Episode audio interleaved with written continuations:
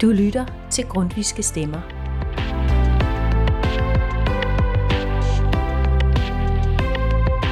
Bag denne podcast står Emilie Vestvold, og mit navn er Grete Kirk Thornberg. Der er nogen, der siger, at arven fra Grundtvig er som en vandåre, der løber dybt nede under dansk kultur, og som vander de mest forskellige steder.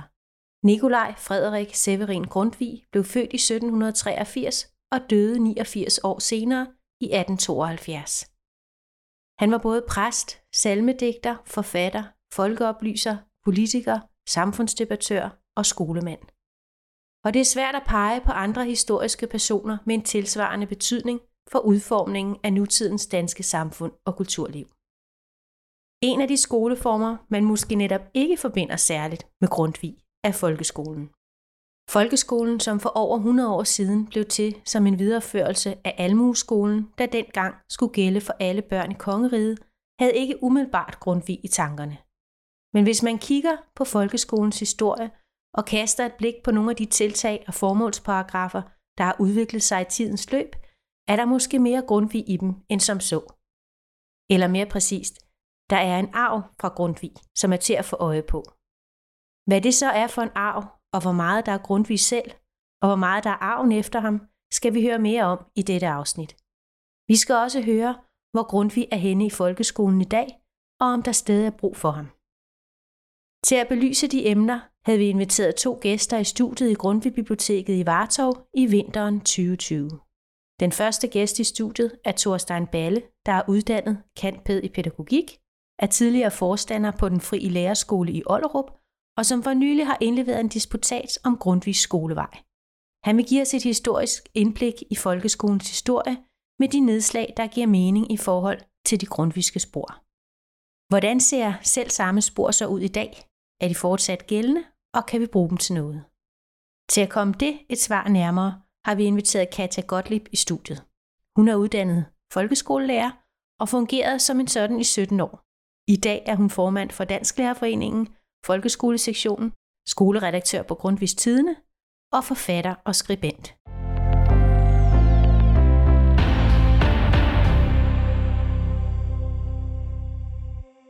Nu vil jeg byde velkommen til dig, Thorstein Balle.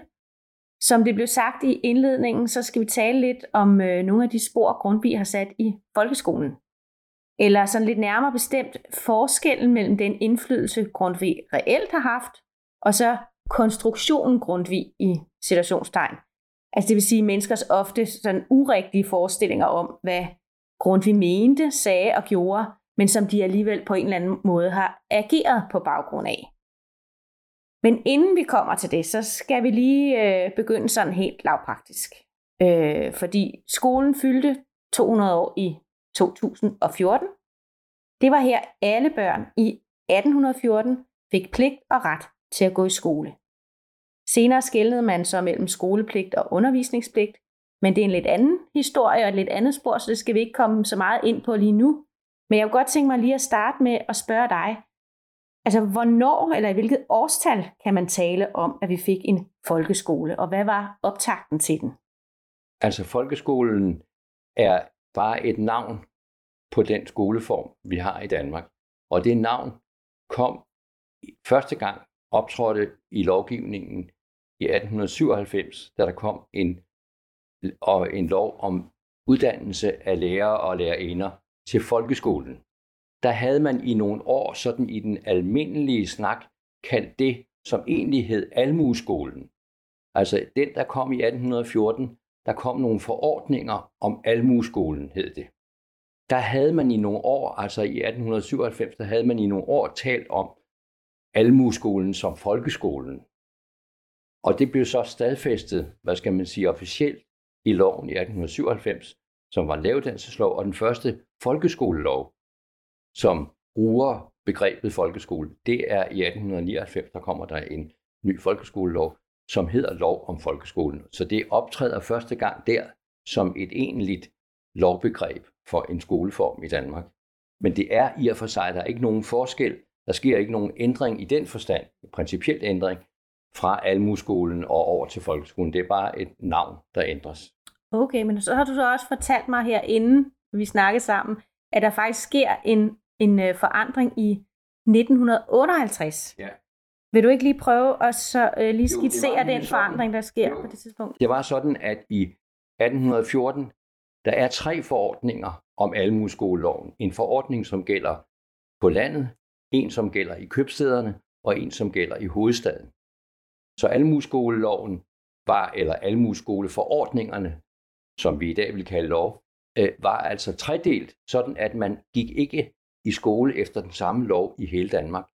Det kom an på, om man boede på landet, i en købstad eller i hovedstaden. Og den tredeling af skolevæsenet, som også var udtryk for en forskel i, hvor mange timer skulle man have i hvilke nogle fag og sådan noget. Den forskel, den blev afskaffet i 1958, da Jørgen Jørgensen lavede en folkeskolelov, en ny folkeskolelov der.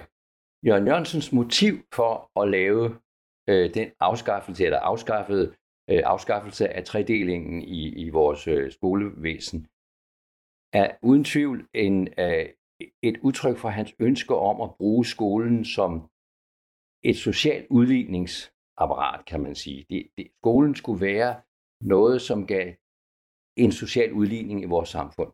Og det, der er ingen tvivl om, at for Jørgen Jørgensen var det en, en del af hans forståelse af, at mennesker i er lige meget værd, at alle mennesker er lige meget værd, og det gør han flere steder noget ud af i sin foredrag og sådan noget, og refererer der til Grundtvig. Så man kan sige, at når vi får den der tredeling afskaffet, så skyldes det også, at øh, Jørgen Jørgensen altså med en fortolkning af, hvad Grundtvigs menneskesyn var, øh, sådan set følte, at han burde øh, få det afskaffet, fordi det, ville, fordi det, det skabte nogen. Der var en social skævvridning simpelthen. Ingen tvivl om det. Ingen tvivl om det. Fordi man kunne ikke, man kunne gå syv år i skole på, i, på landet, og først, øh, øh, først langt oppe i, i 1937, det er også Jørgen Jørgensen, der laver en lov der, gives der mulighed for, at dem, der blev, de havde gået i skole på landet, kunne gå videre end 7. klasse. Ellers, så var, hvis man boede på landet, så, kunne, så var der tilbud om syv års skole færdig. Mm. Mens man i købstederne og i hovedstaden kunne gå op til i begyndelsen til 8. og så blev det senere til øh, mellemskole og, og sådan noget.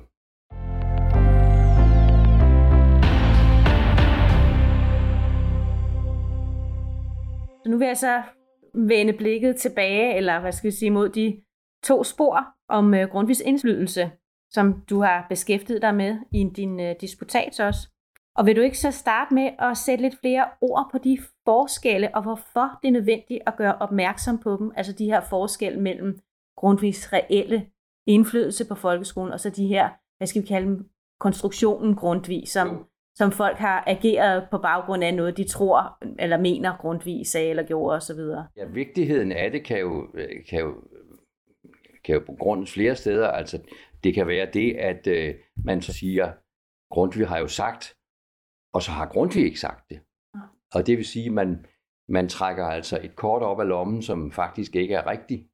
Jeg har undersøgt 250 forskningstekster om, øh, om folkeskolen og Grundtvig.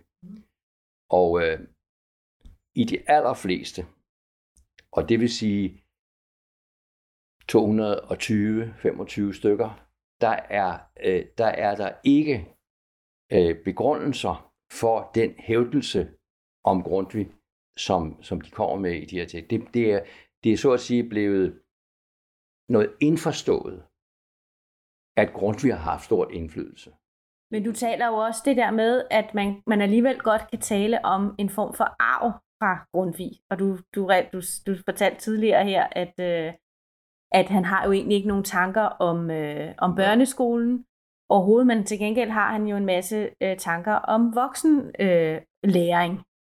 Kunne du, kan man lave nogle nedslag så og sige, at det er nogle af de her tanker om voksenlæringen, som på en eller anden måde så alligevel har haft en indflydelse i, altså i forhold til den grundviske arv på folkeskolen. Kan man stille det Ja. sådan op? Eller? Der er mange, der er, øh, og, og- og det vil jeg meget gerne komme ind på, hvad skal man sige, den, øh, den konkrete indflydelse, som aftagerne ja. har haft på skolens udvikling. Men hvis man ser på, på, på, på hvad skal man sige, de overordnede forestillinger, som Grundtvig havde om oplysning, så er det helt centrale, den helt centrale og direkte arv fra Grundtvig, det er forestillingen om, at al oplysning skal føre til en større forståelse af livet. Det, som Grundtvig kaldte for livsoplysning. Og det var ligegyldigt, om det var børneundervisning, eller om det var ungdomsundervisning, eller det var voksenundervisning, eller det var på universitetet, eller hvad som helst. Al oplysning, siger Grundtvig, øh, har som hovedopgave og oplyse mennesket om menneskelivet. Den forståelse, den ser vi i den grad igen i en folkeskole, for eksempel i folkeskolens formål, som Jørgen Jørgensen skrev i 1937 og sidenhen også i 1958, og som varede fra 1937 til 1975, hvor, hvor loven bliver lavet om. Det er forestillingen om, at skolen, børneskolen, er et liv i sig selv. Altså, at børneskolen er ikke en forberedelse til et voksenliv, mm. men det er, øh, det er et liv i sig selv.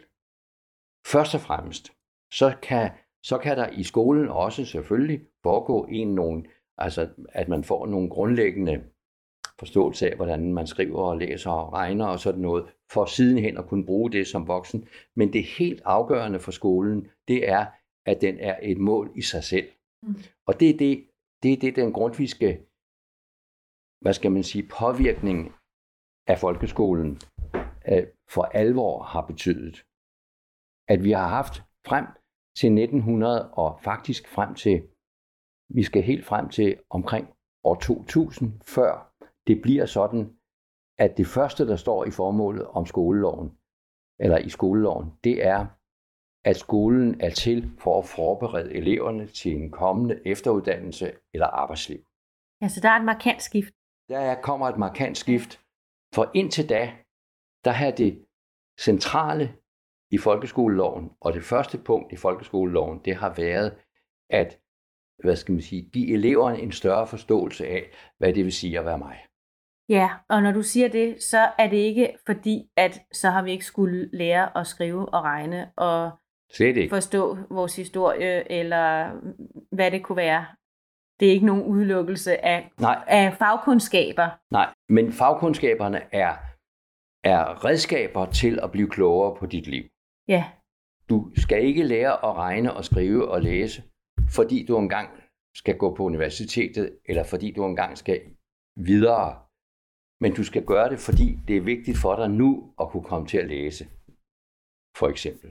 Og derfor så, så blev det et af de afgørende, kan man sige, diskussionspunkter om folkeskolen, det var om, om den eksamensskole, som kom efter folk af børneskolen, om den skulle være en forberedelse til eksamensskolen, eller øh, den skulle øh, først og fremmest have som opgave at gøre det liv, som børnene har her og nu, mere forståeligt. Og fordi det blev en, en måde at tænke på om, om skole i Danmark, så blev det også til, at der kom et ganske særligt forhold imellem lærer og elev mm. i Danmark. Fordi når man skal blive klog på sit liv, så er lærer og elev i den forstand lige værdige, eller de skal vekselvirkende virke, som Grundtvig var inde på. Og det betyder, at man kan, man kan sige, at læreren er ikke klogere på elevens liv, end eleven selv er. Men læreren kan hjælpe eleven til at blive klog på sit liv. Og den der den der, øh, hvad skal man sige, lighedstænkning, der er imellem lærer og elev i, i den her sammenhæng. Selvfølgelig ikke, hvis man taler om kemiundervisning eller noget andet, så ved læreren noget, eleven ikke ved. Men når det gælder dit liv, hvad er det, du vil med dit liv, hvordan er dit liv osv., ja, så er de ligestillet. Det betyder også, at vi fik et forhold imellem lærer og elev i den danske folkeskole, som, som mange, der kommer fra udlandet, er opmærksom på er særligt, altså af, øh, og nogen synes, at det så altså til tider udarter. sådan så læreren nærmest ikke bestemmer noget. Ikke? Men er det det, du, har, du også har talt om, den her klasselærerfunktion? Når klasselærerfunktionen er, har en lidt anden vinkel på det her. Øh, altså netop fordi både Grundtvig, men faktisk også Kold, var imod børneundervisning, var imod børneskole. Men de begge to så det som en nødvendighed i en periode, indtil forældrene blev godt nok, hvad skal man sige, uddannet til at være forældre over for, for deres børn. Så blev man nødt til at have en skole, og den skole skulle så meget som det var muligt ligne et hjem. Mm. Og det vil sige, at hele forestillingen om, at øh, man lærer bedst, hvis man er i en sammenhæng, som minder om et hjem. Altså det var jo det, som Grundtvig øh, øh sagde i, i, i, i øh, øh, den gang. Og som han selv havde oplevet i, øh, i sit eget hjem. Moren var jo læreren for, for Grundtvig. Og det, at han spurgte sig selv, da han blev voksen, hvordan kan det være, at jeg var så god til at lære noget? Hvordan kan det være, at jeg var så glad for at lære noget? Og det var for ham forholdet imellem, at det, at der var et særligt forhold imellem lærer og elev. Øh, det skriver han også om i flere af sine sange og sådan noget, og den har aldrig levet som klog på det blevet, han først havde kær. Det vil sige, man skal så at sige have kærlighed til det, man skal lære, og det får man gennem det forhold, der er mellem lærer og elev. I tilfældet hos ham var det moren. Det tager Kold op og siger, derfor skal vi have, når vi, når vi nu bliver nødt til at have en børneskole, så skal den minde så meget som muligt om et hjem. Og det vil sige, at vi i Danmark fik en, en klasselærerordning, som var helt særlig i forhold til andre klasselærerordninger, fordi hvis man for eksempel ser i England og andre steder, så er klasselærer, det er en, der har man en første klasselærer, så har man en anden klasselærer, så har man en tredje klasselærer. Men i Danmark, der sagde man, hvis man skal have det tætte forhold imellem lærer og elev, som er betingelse for, at man kan blive glad for at gå i skole, så skal vi så at sige vende det op vertikalt og sige, lærer øh, eller klasselæreren skal følge eleven helt fra første klasse og op til 7., 8. og 9. klasse. Mm. Derfor får vi det her særlige klasselærerforhold.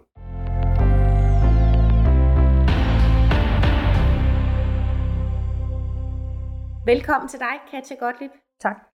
Vi hørte uh, Thorstein Balle fortælle for lidt siden, uh, hvordan han redegjorde øh, for uh, forskellen på det, man kan sige, den direkte grundviske arv i folkeskolen, og så på, på Grundtvig selv. Og en af, det, en af de ting, han sagde, det var, at vi kan jo ikke se Grundtvig sådan en til en i folkeskolen, fordi Grundtvig egentlig helt fundamentalt var imod øh, børneskolen. Man skulle egentlig helst modtage undervisning derhjemmefra. Men det er klart, der er alligevel noget af den grundviske arv, som man også kan se i folkeskolen. Og det er blandt andet de her undervisningsidéer øh, om livsoplysning, altså forestillingen om, at livsoplysning skal føre til en større forståelse af livet. Det her med at oplyse mennesket om menneskelivet. Og så også forestillingen om, at børneskolen er et liv i sig selv, og ikke en øh, forberedelse til voksenlivet. Og Thorstein Bale fortalte så også, at det faktisk først var fra årtusindskiftet, at øh, folkeskolens formålsparagraf bliver omformuleret øh, på den måde, at skolen, hvor i det indgår, at skolen også er en forberedelse til videre uddannelse. Og vil du ikke starte med at prøve at sætte et par ord på, hvordan har den her ændring haft en indflydelse på undervisningen i folkeskolen? Jo, det vil jeg gerne.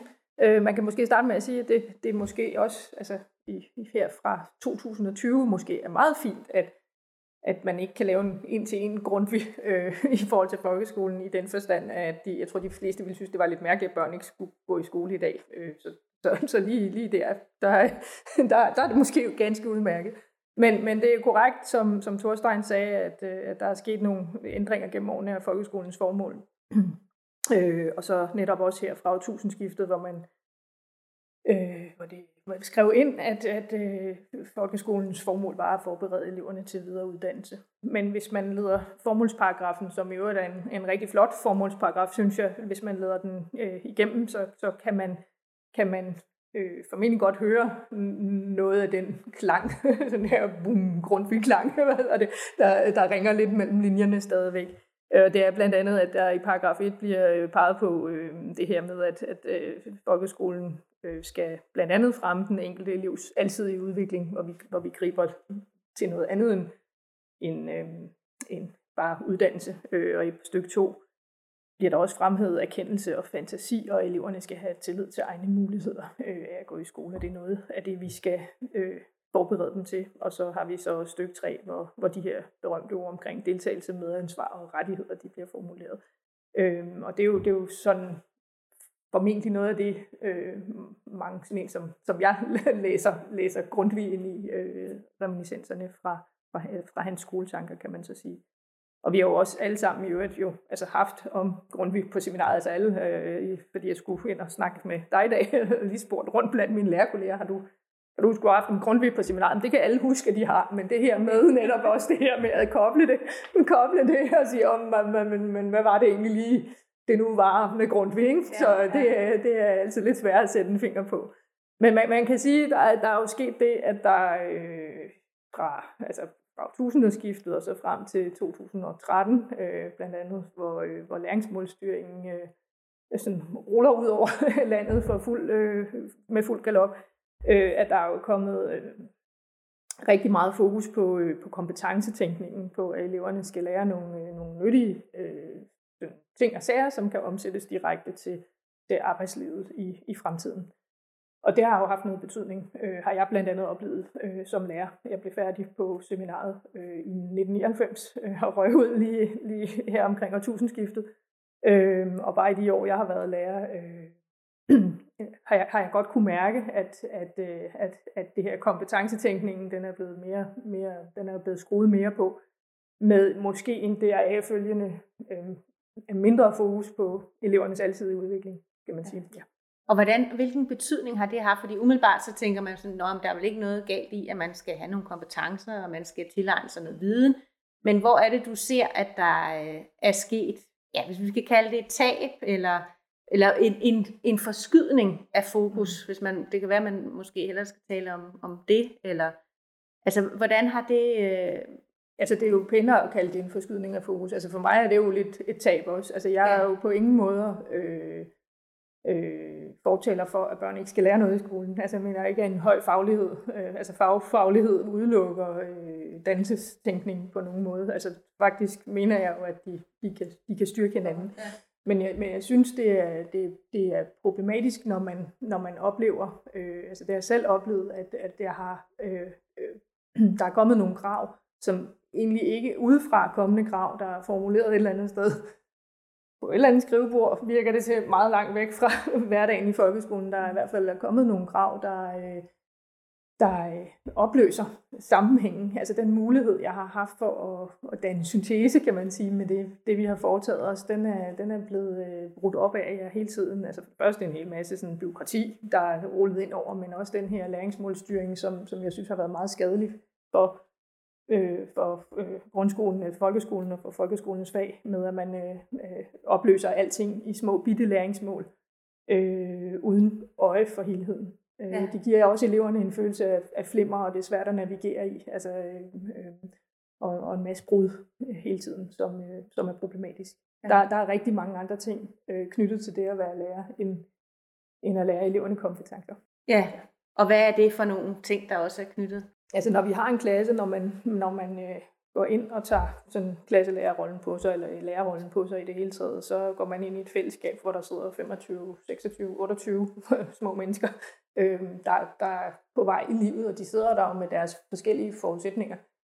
Øh, nogle af dem øh, har, har brug for noget ekstra støtte og en ekstra hånd på mange, og har brug for at blive set. Øh, de har også brug for at lære at indgå i et fællesskab på en eller anden måde. Så, så, så jeg har altid ligesom set klassen som sådan et, et, et, et, lille samfund på en eller anden måde, kan man sige, hvor, hvor vi ligesom lærer at være sammen på, på tværs.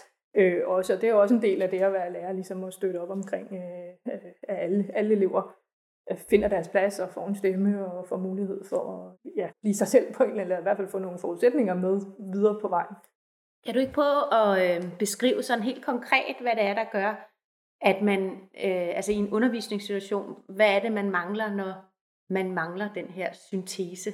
At øh, det her med, at du beskriver, at, at øh, målene ligesom bliver delt op i bidder, og det bliver lidt mere flimrende. Kan du, øh, kan du eksemplificere det? Man kan sige, at øh, der med læringsmålstyringen kom utrolig meget fokus på, øh, på de her hvad, hvad, kompetencer, som børnene skulle have ud af den her aktivitet, øh, som, som vi skulle lave, den her læringsaktivitet. Øh, når, når en lærer går ind og laver undervisning, og det har vi jo lært fra seminaret, altså så har vi det her, der hedder den didaktiske træk, trækant, vi har et hvad, og et hvorfor, og et hvordan. Og nogle gange kan man gå ind med et hvad, og sige, hvad er det, vi skal lave. Øh, andre gange går man ind og siger, hvorfor skal vi lave det her? Og andre gange igen går man ind og siger, altså hvordan øh, jeg har utrolig meget brug for, at vi laver noget gruppearbejde på en eller anden bestemt måde af nogle forskellige pædagogiske årsager eller et eller andet. Så kan jeg vælge at gå ind med arbejdsformen.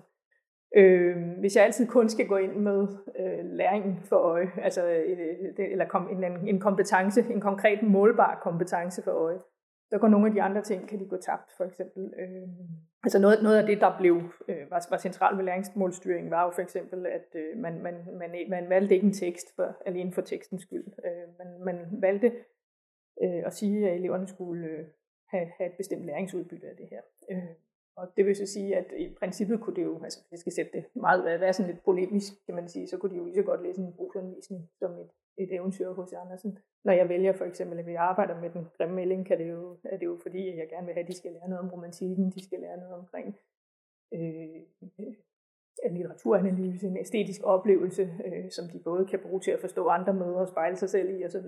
Mm. Øh, men, men, men vi læser den jo også fordi, at de, og det vil de fleste måske det håber jeg, mange vil give mig ret i, i hvert fald sige, det var fuldstændig gakkelak at forestille sig, at man skulle forlade den danske folkeskole, uden at have hørt om H.C. Andersen. At, at det er jo et spørgsmål om, at, at, at mit fag, at, og det er mange fag, men de er jo kulturbærende, øh, og de er jo noget af det, der er med til at binde os sammen, kan man sige. Øh, at, vi, at vi kan tale sammen øh, om H.C. Andersen og vide, hvad vi mener, og hvis jeg siger, at han skal kanøfles, så, så, så kender man talemåden og ved, hvad den bunder i osv. Ja. det er jo simpelthen noget af det beredskab, man har med øh, og, og, og bære, altså bære med sig videre øh, ja, gennem ja. livet, at vi har det her sproglige øh, kulturelle fællesskab også. Men er det, at øh, implementerer det så også i den måde, man så går til den grimme ælling på? Fordi man kan jo også sige, at men står den ikke i, der er jo masser af de der, øh, vores øh, litterære mm. kanon, det står jo nemlig mm. præcis mm. i, øh, i den her kanon, som man også vedtog for, for år tilbage, ikke? Så man siger, at de kommer rundt om den alligevel. Men har det så noget at sige, altså, øh, hvordan man så griber den an, læsningen af den, eller... Ja, altså hvis jeg skal kunne sætte mål for alt det, de skal have ud af den grimme melding, det, det er i hvert fald ret svært, fordi at det er også tit, at der kommer noget ud af det, jeg slet ikke har nogen anelse om, der kommer ud af det. Øh, den kan være læst i en klasse, hvor den går en betydende, altså vi pludselig går en, af en sti, og jeg kan læse den med en anden klasse, hvor vi havner et helt andet sted. Øh, så, så, så selvfølgelig har det betydning på en eller anden måde.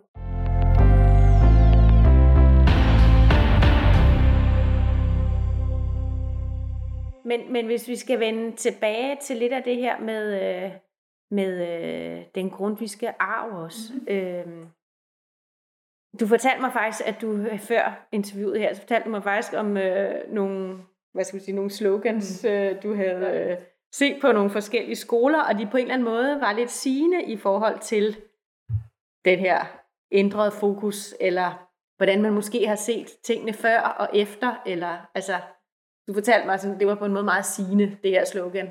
Jo, men, men det, det, det kobler sig jo fint til det, vi lige snakkede om før. Altså det handler, at jeg holder rigtig mange kurser for, for, for lærere hver år, øh, og besøger mange skoler rundt omkring. Og jeg for nylig var jeg ude på en skole på Frederiksberg, hvor det første, der mødte mig øh, på asfalten, da jeg trådte ind. Det var, øh, det var nogle bogstaver på asfalten, eller et slogan på asfalten, hvor der stod... Øh, træd varsomt, har bliver mennesker til.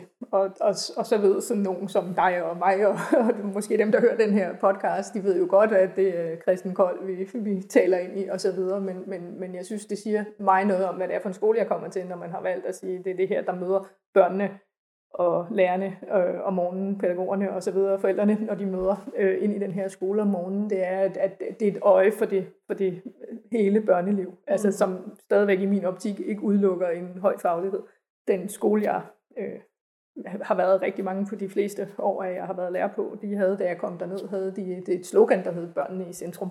Og det var jo selvfølgelig, fordi det var en skole, der lå midt nede i, i, i byen, øh, ja. øh, hvor jeg bor. da jeg gik ud af den, havde den fået et nyt øh, slogan, der hedder, alle børn har ret til succesfuld læring. Og, og fra, i hvert fald fra Christian Kolds, øh, her bliver mennesker til, til alle børn har ret til succesfuld læring, der synes jeg, der er et ret stort... Øh, et, øh, en ret stor forskel, og, ja, og, ja. Og, og, og det er et meget godt billede på, altså hvordan, øh, hvordan skolen egentlig har udviklet sig ja, så, ja. så de sidste år. Ikke? Altså, vi, har, vi har noget sådan helt konkret produkt øh, agtigt her på, på hylderne, som skal, det skal være en succes, det har de ret til, altså det er sådan kunderne i butikken, vi snakker om, og den her læring, som, som, øh, som arbejdsmarkedet og politikerne efterspørger, det er den, vi leverer her. Mm. Øh, hvad, hvad, hvad der ellers er rundt om. Ja. Øh, den, det, det drukner lidt i et slogan, som det synes jeg blandt andet, ja. øh, eller drukner lidt, men det er jo noget helt andet, man har, har fokus på. Øh, jeg kan huske en af mine sidste skolehjemsamtaler øh, med min sidste 8. og 9. klasse, hvor jeg hvor også selv var enormt præget af det her læringsmålstyring, og meget sådan effektiv. Øh, oplevede jeg meget havde skema og lister og karakterudskrifter med at kunne læse op, og så siger Anders' far, mens jeg sidder der og ramser op, hvad Anders har afleveret, og hvad han har fået karakter for mig, så siger han, det gider jeg ikke at høre på. Har han det godt? Er han en god dreng? Hvordan går det? Altså, jeg tænker, at der fik jeg sådan in my face pludselig, altså min egen uformåenhed sådan, ja. altså smækket i hovedet for et eller andet sted, hvor jeg ligesom var løbet af med en, med en dagsorden, som jeg havde selv svært ved at se mig selv i, og som egentlig ikke gav sådan super meget mening, heller ikke for Anders eller for hans forældre. Men har, har Anders det godt? Lærer han, hvad han skal? Og, og hvordan og hvorledes, hvad skal vi gøre videre herfra? Måske i virkeligheden gav langt mere mening end, mm. end mine, mine fordi det er det her helhedssyn. Ja, og det er jo den, jeg synes ligger i, i øh, det her med at træde varsomt, at det her mennesker bliver til. Ja, og det er noget af det, du tænker, det går på en måde lidt tabt her, eller hvad, fordi man ikke har både fokus, men man har heller ikke uh, tiden til det, eller hvordan tænker du, hvad er det, der gør ligesom, at, der er, at der den her, hvad skal vi sige, uh, det andet fokus, det var den pæne udgave, uh, som du sagde, uh, hvad gør det for lærernes øh, mulighed for at se ligesom den hele elev, og hvad, hvad er det, der ligesom, hvad skal have fremmet der, og så videre? Altså, når, når man får enormt travlt som lærer. Altså, det er jo, det er jo sket i en masse. Så når jeg har fokus, når mit, der bliver peget en bestemt retning og siger, altså, kig i den her retning, så kigger jeg i den her retning som lærer, og så er det det, jeg fokuserer på. Derudover så skete der jo altså også nogle andre ting, altså sådan rent øh, politisk med skolen, hvor lærerne fik simpelthen så mange undervisningstimer, at de nærmest ikke kan, altså, altså, altså det er fuldstændig tæppebelagt, altså du kan nærmest ikke nå at forberede dig til den undervisning, du har, så det blev et spørgsmål om at løbe, man løber enormt stærkt øh, og, og, og mister nogle ting i det. Altså jeg mistede mig selv havde ikke lyst til at se mig selv som, som den lærer, jeg var blevet til. Og, og det der er mange lærere, altså nu siger ja, nu, nu har jeg jo ikke været ude og undervise sådan rigtig i, i 3-4 år eller et eller andet. Men, men jeg har jo kontakt med rigtig mange lærere, altså hver uge simpelthen. Altså det er jo de historier, jeg stadigvæk får, især fra unge lærere, der har enormt svært ved at finde sig selv som lærer i det her.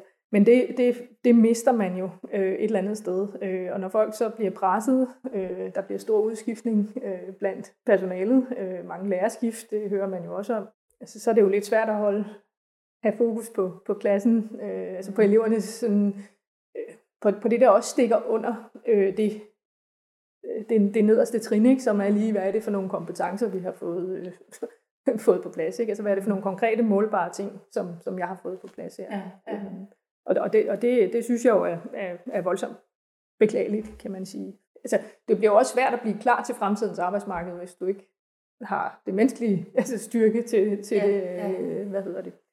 Så jeg synes, man efterlader nogle børn på perronen med, med det skolesyn i hvert fald.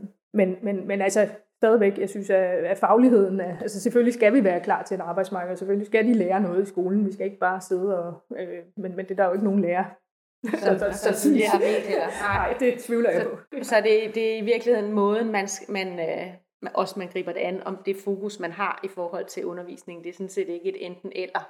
Er det faglighed, eller er det, er det klassetrivsel? Altså de to ting er ikke, altså, står sådan set ikke i modsætning til hinanden. Ikke, nød, ikke, nød, ikke nødvendigvis. Nej. Altså, der skal bare være fokus på det og rum og mulighed for det. Og man kan sige, at vi har jo fået øh, aflivet læringsmålstyring, i hvert fald sådan på papiret nu, ikke, kan man så sige. Og, og øh, der er kommet nye faghæfter, altså nye læsplaner, øh, som, som, som peger noget andet ud. Et mere formålsorienteret, kan man sige, øh, øh, fag øh, hvad hedder det, altså i det hele, ikke, ikke et fag, men i det hele taget mere, øh, arbejder altså mere op mod for det første fagets formål, og så mm. folkeskolens formål ovenover, ikke? så man har mere fokus på, på, øh, på formålet med at gå i skole igen.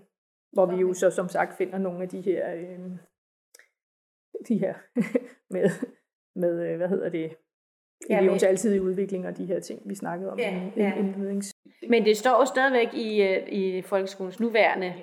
formålsparagraf, ikke? At, at, øh, at man skal øh, motivere, eller hvad ja. der står, øh, man skal forberede til, til videre uddannelse. Ikke? Er det så Altså det lille ord at forberede til videre uddannelse. Jamen det synes jeg jo egentlig er fint, fordi vi er jo ikke færdige heller, når vi altså, forlader folkeskolen. Og folkeskolen har jo heller ikke sådan, altså jeg tror det er Alexander von Nøtting, der taler om det her med, at skolen ikke har altså dannelsesmonopol, men har dannelsesbidrag, og det synes jeg egentlig er en rigtig fin formulering, ikke? fordi man bliver jo også dannet som menneske rigtig mange andre steder, øh, og det gør man jo blandt andet også, når man kommer i gymnasiet, og bliver, eller går man i gang på sin ungdomsuddannelse i hvert fald på en eller anden mm. måde, og bliver mødt af en anden virkelighed og nogle andre lærere, og ja. også når man fortsætter på sin videregående uddannelse formentlig. Ikke? Så, øhm, så, så jeg, jeg tænker, det er jo svært at forestille sig et samfund, hvor man for, enten går hjemme hos sin forældre, bliver hjemmeundervist øh, hele, hele livet i dag, eller, eller i hvert fald øh, øh kommer ud af skolen som 14-årig og bliver sat i lære som fisker, eller altså sådan ja. er virkeligheden jo, jo, jo ikke mere. Så, så som sådan synes jeg jo egentlig, det er jo, det er jo fornuftigt nok at uddannelse af, af, af et fokus, og det er også mega fedt, altså, at, at, at man skal give dem lyst til at lære mere. Kan du sådan øh, runde lidt af med at sige, jamen, hvad er den her grundviske arv, er det, er det noget, hvordan skal vi bruge den i dag? Mm. Eller, eller hvordan, hvis, hvis vi kan bruge den, mm. øh, er der så nogle ting eller nogle områder, hvor du tænker, øh, her kunne vi godt lige besinde os igen på den arv, eller her er det måske relevant at sige, ah, det var måske også fint nok, vi kommer af med det, eller... Mm.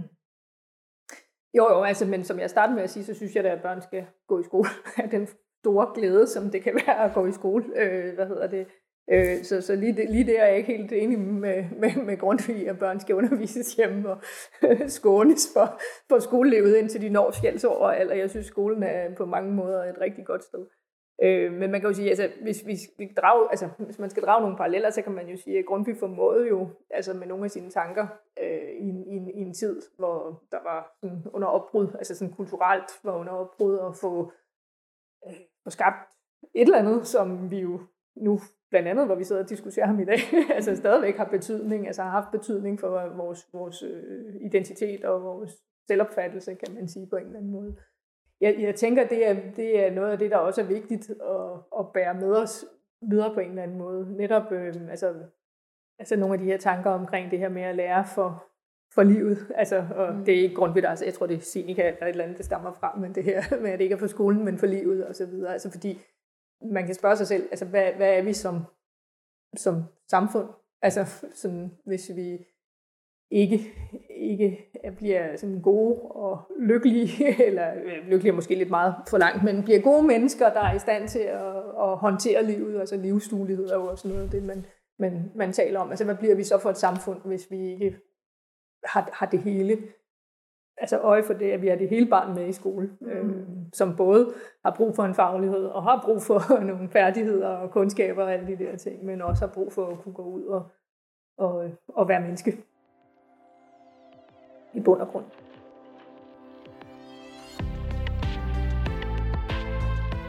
Du har lyttet til Grundviske Stemmer, udgivet af Grundvisk Forum. Podcasten var tilrettelagt, optaget og redigeret af Emilie Vestvold og Grete Kirk Thornberg.